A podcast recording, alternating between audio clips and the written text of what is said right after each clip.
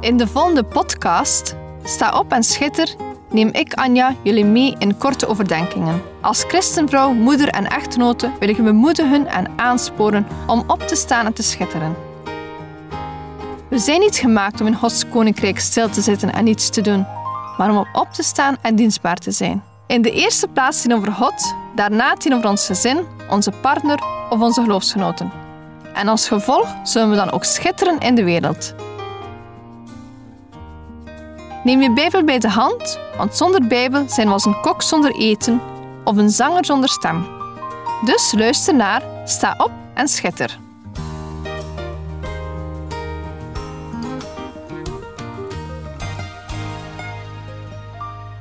Vandaag zijn we aangekomen aan uitzending 74, met als thema beloften.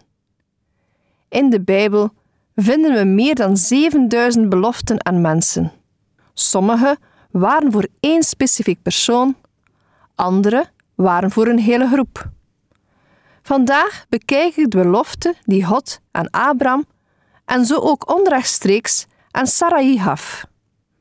Dit verhaal kun je vinden in Genesis 12 tot en met 18. Ik ga het levensverhaal van Sarai en Abraham schetsen. Ik doe dit in romanvorm en citeer enkele belangrijke teksten uit Genesis. Abraham en Sarai woonden in Haran. Ze hadden er samen van gedroomd om een gezin te stichten. Maar helaas bleek Sarai onvruchtbaar te zijn. Wat was dit een zware last om te dragen? Het gaf hen een groot verdriet. Op een dag kreeg Abraham een opdracht van God. God zei: Abraham, ga weg uit uw land, naar het land dat ik u zal wijzen. Ik zal u tot een groot volk maken, u zegenen en uw naam groot maken. En u zult tot zegen zijn. Ik zal zegenen wie u zegenen. En wie u vervloekt, zal ik vervloeken.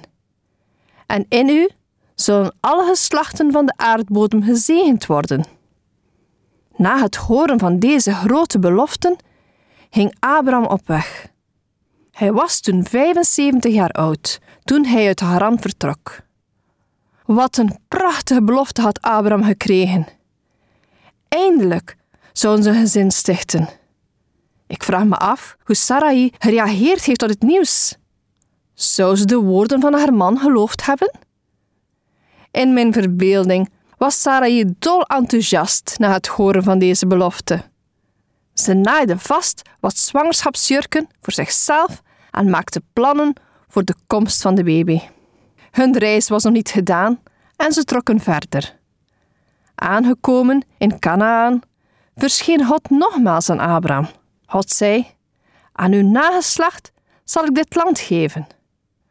Sarai zal zeker terug enthousiast geweest zijn met dit nieuws. Eindelijk, nu gaat het gebeuren. Ze maakte waarschijnlijk verder plannen voor een kraamfeest en richtte haar tent opnieuw in voor de komst van de baby. Het noodlot slaat toe, er komt hongersnood en Abraham beslist om verder te reizen. Ze reisden van rustplaats tot rustplaats tot ze terug in Canaan aankwamen waar ze gestart waren. God sprak terug tot Abraham en zei: Sla toch uw ogen op en kijk vanaf de plaats waar u bent naar het noorden, het zuiden, het oosten en het westen.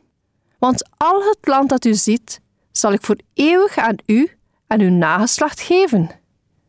Ik zal uw nageslacht maken als het stof van de aarde.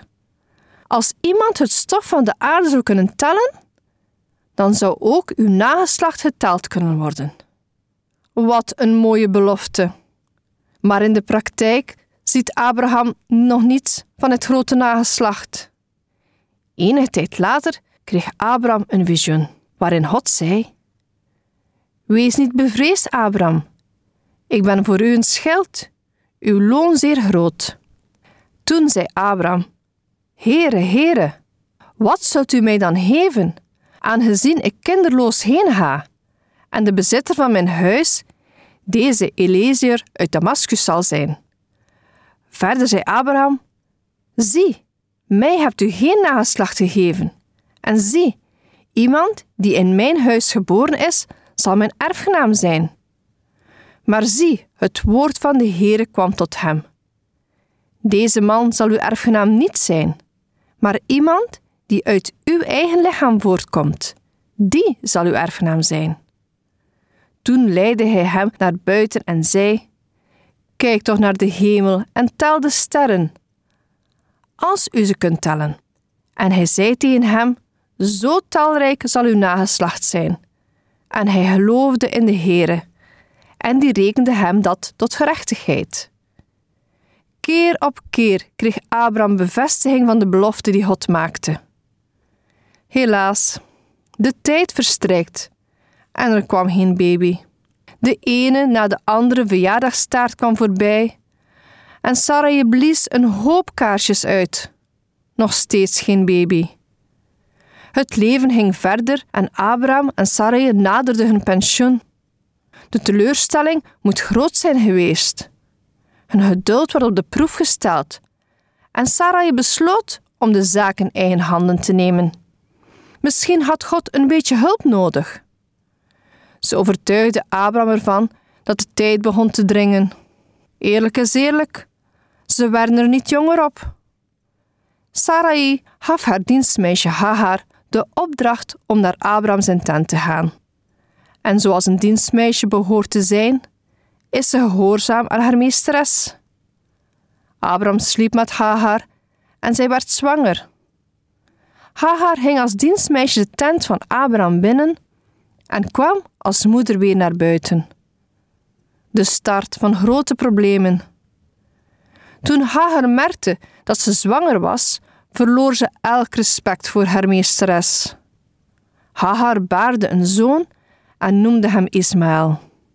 O, Abraham was zo blij met zijn zoon en de band tussen hem en zijn zoon groeide. Zo ook groeide de trots van Hagar, want ze had Abraham gegeven wat hem toekomt. Iets wat Sarai niet kon. De spanningen bleven groeien en Sarai werd jaloers. Abraham stond tussen twee vuren. Aan de ene kant Hagar en zijn zoon, en aan de andere kant zijn vrouw Sarai. Het was niet het knusse gezinnetje dat Abraham voor ogen had. De spanningen waren om te snijden, maar het leven ging verder. Er werd niet meer gesproken over het beloofde kind. Voor Sarai bleven er alleen tranen en bedroefde blikken richting de hemel. Teleurstelling en diepe zuchten. Uiteindelijk, als Abraham bijna aan de eeuwwisseling was en Sarai tegen de negentig liep, kwam God terug bij hen op bezoek. Hij veranderde de naam van Abraham naar Abraham en Sarai naar Sarah.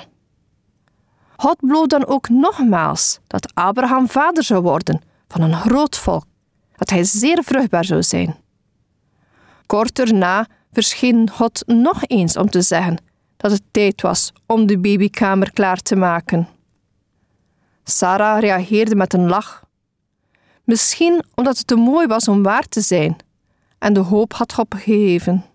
Hoe zou jij reageren? Zou jij denken dat God zijn belofte nog zou nakomen? Zou jij lachen met dit nieuws? Ondertussen was Sarah al 90. 90. God moet zijn belofte wel vergeten zijn, of niet soms? Niet dus. God deed het ondenkbare. Eén jaar later kreeg Sarah een zoon. Tussen de belofte en de vervulling lagen 25 jaar. Ik begrijp zeer goed dat het voor Sarah moeilijk was om te blijven vertrouwen op de belofte. 1. De belofte werd steeds aan Abraham gedaan en ze hoorde het steeds uit tweede hand. Het zou toch heel anders zijn geweest als God ook dat tot haar had gesproken? Ten tweede, het zit niet in de aard van de mens om lang te kunnen wachten. Wil altijd vlug antwoord? Of ben ik de enige die daar moeite mee heeft? Sarah moest 25 jaar wachten op de vervulling van een belofte. Dit is niet niets. Voor God is tijd helemaal anders. En het mag een bemoediging voor ons zijn dat God altijd op tijd komt. Ons geduld wordt wel eens op de proef gesteld, maar we mogen steeds weten dat God zich aan de beloften houdt. Daarom is het zo belangrijk om stil te staan bij de belofte die God gaf aan Abraham. Het geeft ons het vertrouwen dat God de vele andere beloften die in de Bijbel voorkomen ook zal nakomen. Beloften als: Hij zal ons nooit verlaten, Hij zal ons wijsheid geven als we om vragen, troost in onze beproevingen, redding voor allen die geloven, Hij zal voor ons terugkeren. Die lijst gaat zomaar door. Ik ken iemand die een belofte kreeg, namelijk dat haar beide kinderen ooit God zouden volgen. De kinderen werden ouder. Eentje koos op jonge leeftijd en de andere dwaalde af van God. Verschillende keren twijfelde ze aan de belofte en hing daarover in gewet. En steeds opnieuw kreeg de belofte te horen in een volgende kerkdienst of bij het beluisteren van een Bijbelstudie. Er hingen bij deze vrouw al zo'n twintig jaar voorbij. En tot op de dag van vandaag zag ze de belofte niet in vervulling gaan, maar ze blijft vertrouwen op Gods uitkomst. Want God liegt nooit. Je kan haar verhaal vergelijken met dat van Abraham. Keer op keer herhaalde God zijn belofte. Misschien kreeg hij ook wel eens een belofte. Dan geef ik je het advies: hou je eraan vast en blijf ervoor bidden. Misschien moet je ook wel 25 jaar wachten, of langer, maar ooit zal God zijn belofte in vervulling laten gaan. Het is niet altijd gemakkelijk als je lang moet wachten op een belofte van God. En je kan wel eens als Sarah de moed verliezen. Focus je dan op de uitkomst die Sarah kreeg, de geboorte van een zoon. Verlies nooit je hoop op beloften die God maakte. Durf bevestiging vragen over persoonlijke beloften. God is trouw. Als het gaat over de vele beloften die in de Bijbel voorkomen, weet dat God rechtvaardig is en ook die zal nakomen. God is trouw. Sta op en schitter. Deze podcast kun je steeds opnieuw beluisteren via de website en app van twr.be. Als je deze aflevering leuk vond en je wilt de podcast helpen ondersteunen, deel hem dan met anderen. Heb je gebed nodig of wil je reageren op deze uitzending? Zend dan gerust een mailtje naar anja.twr.be. Bedankt voor het luisteren.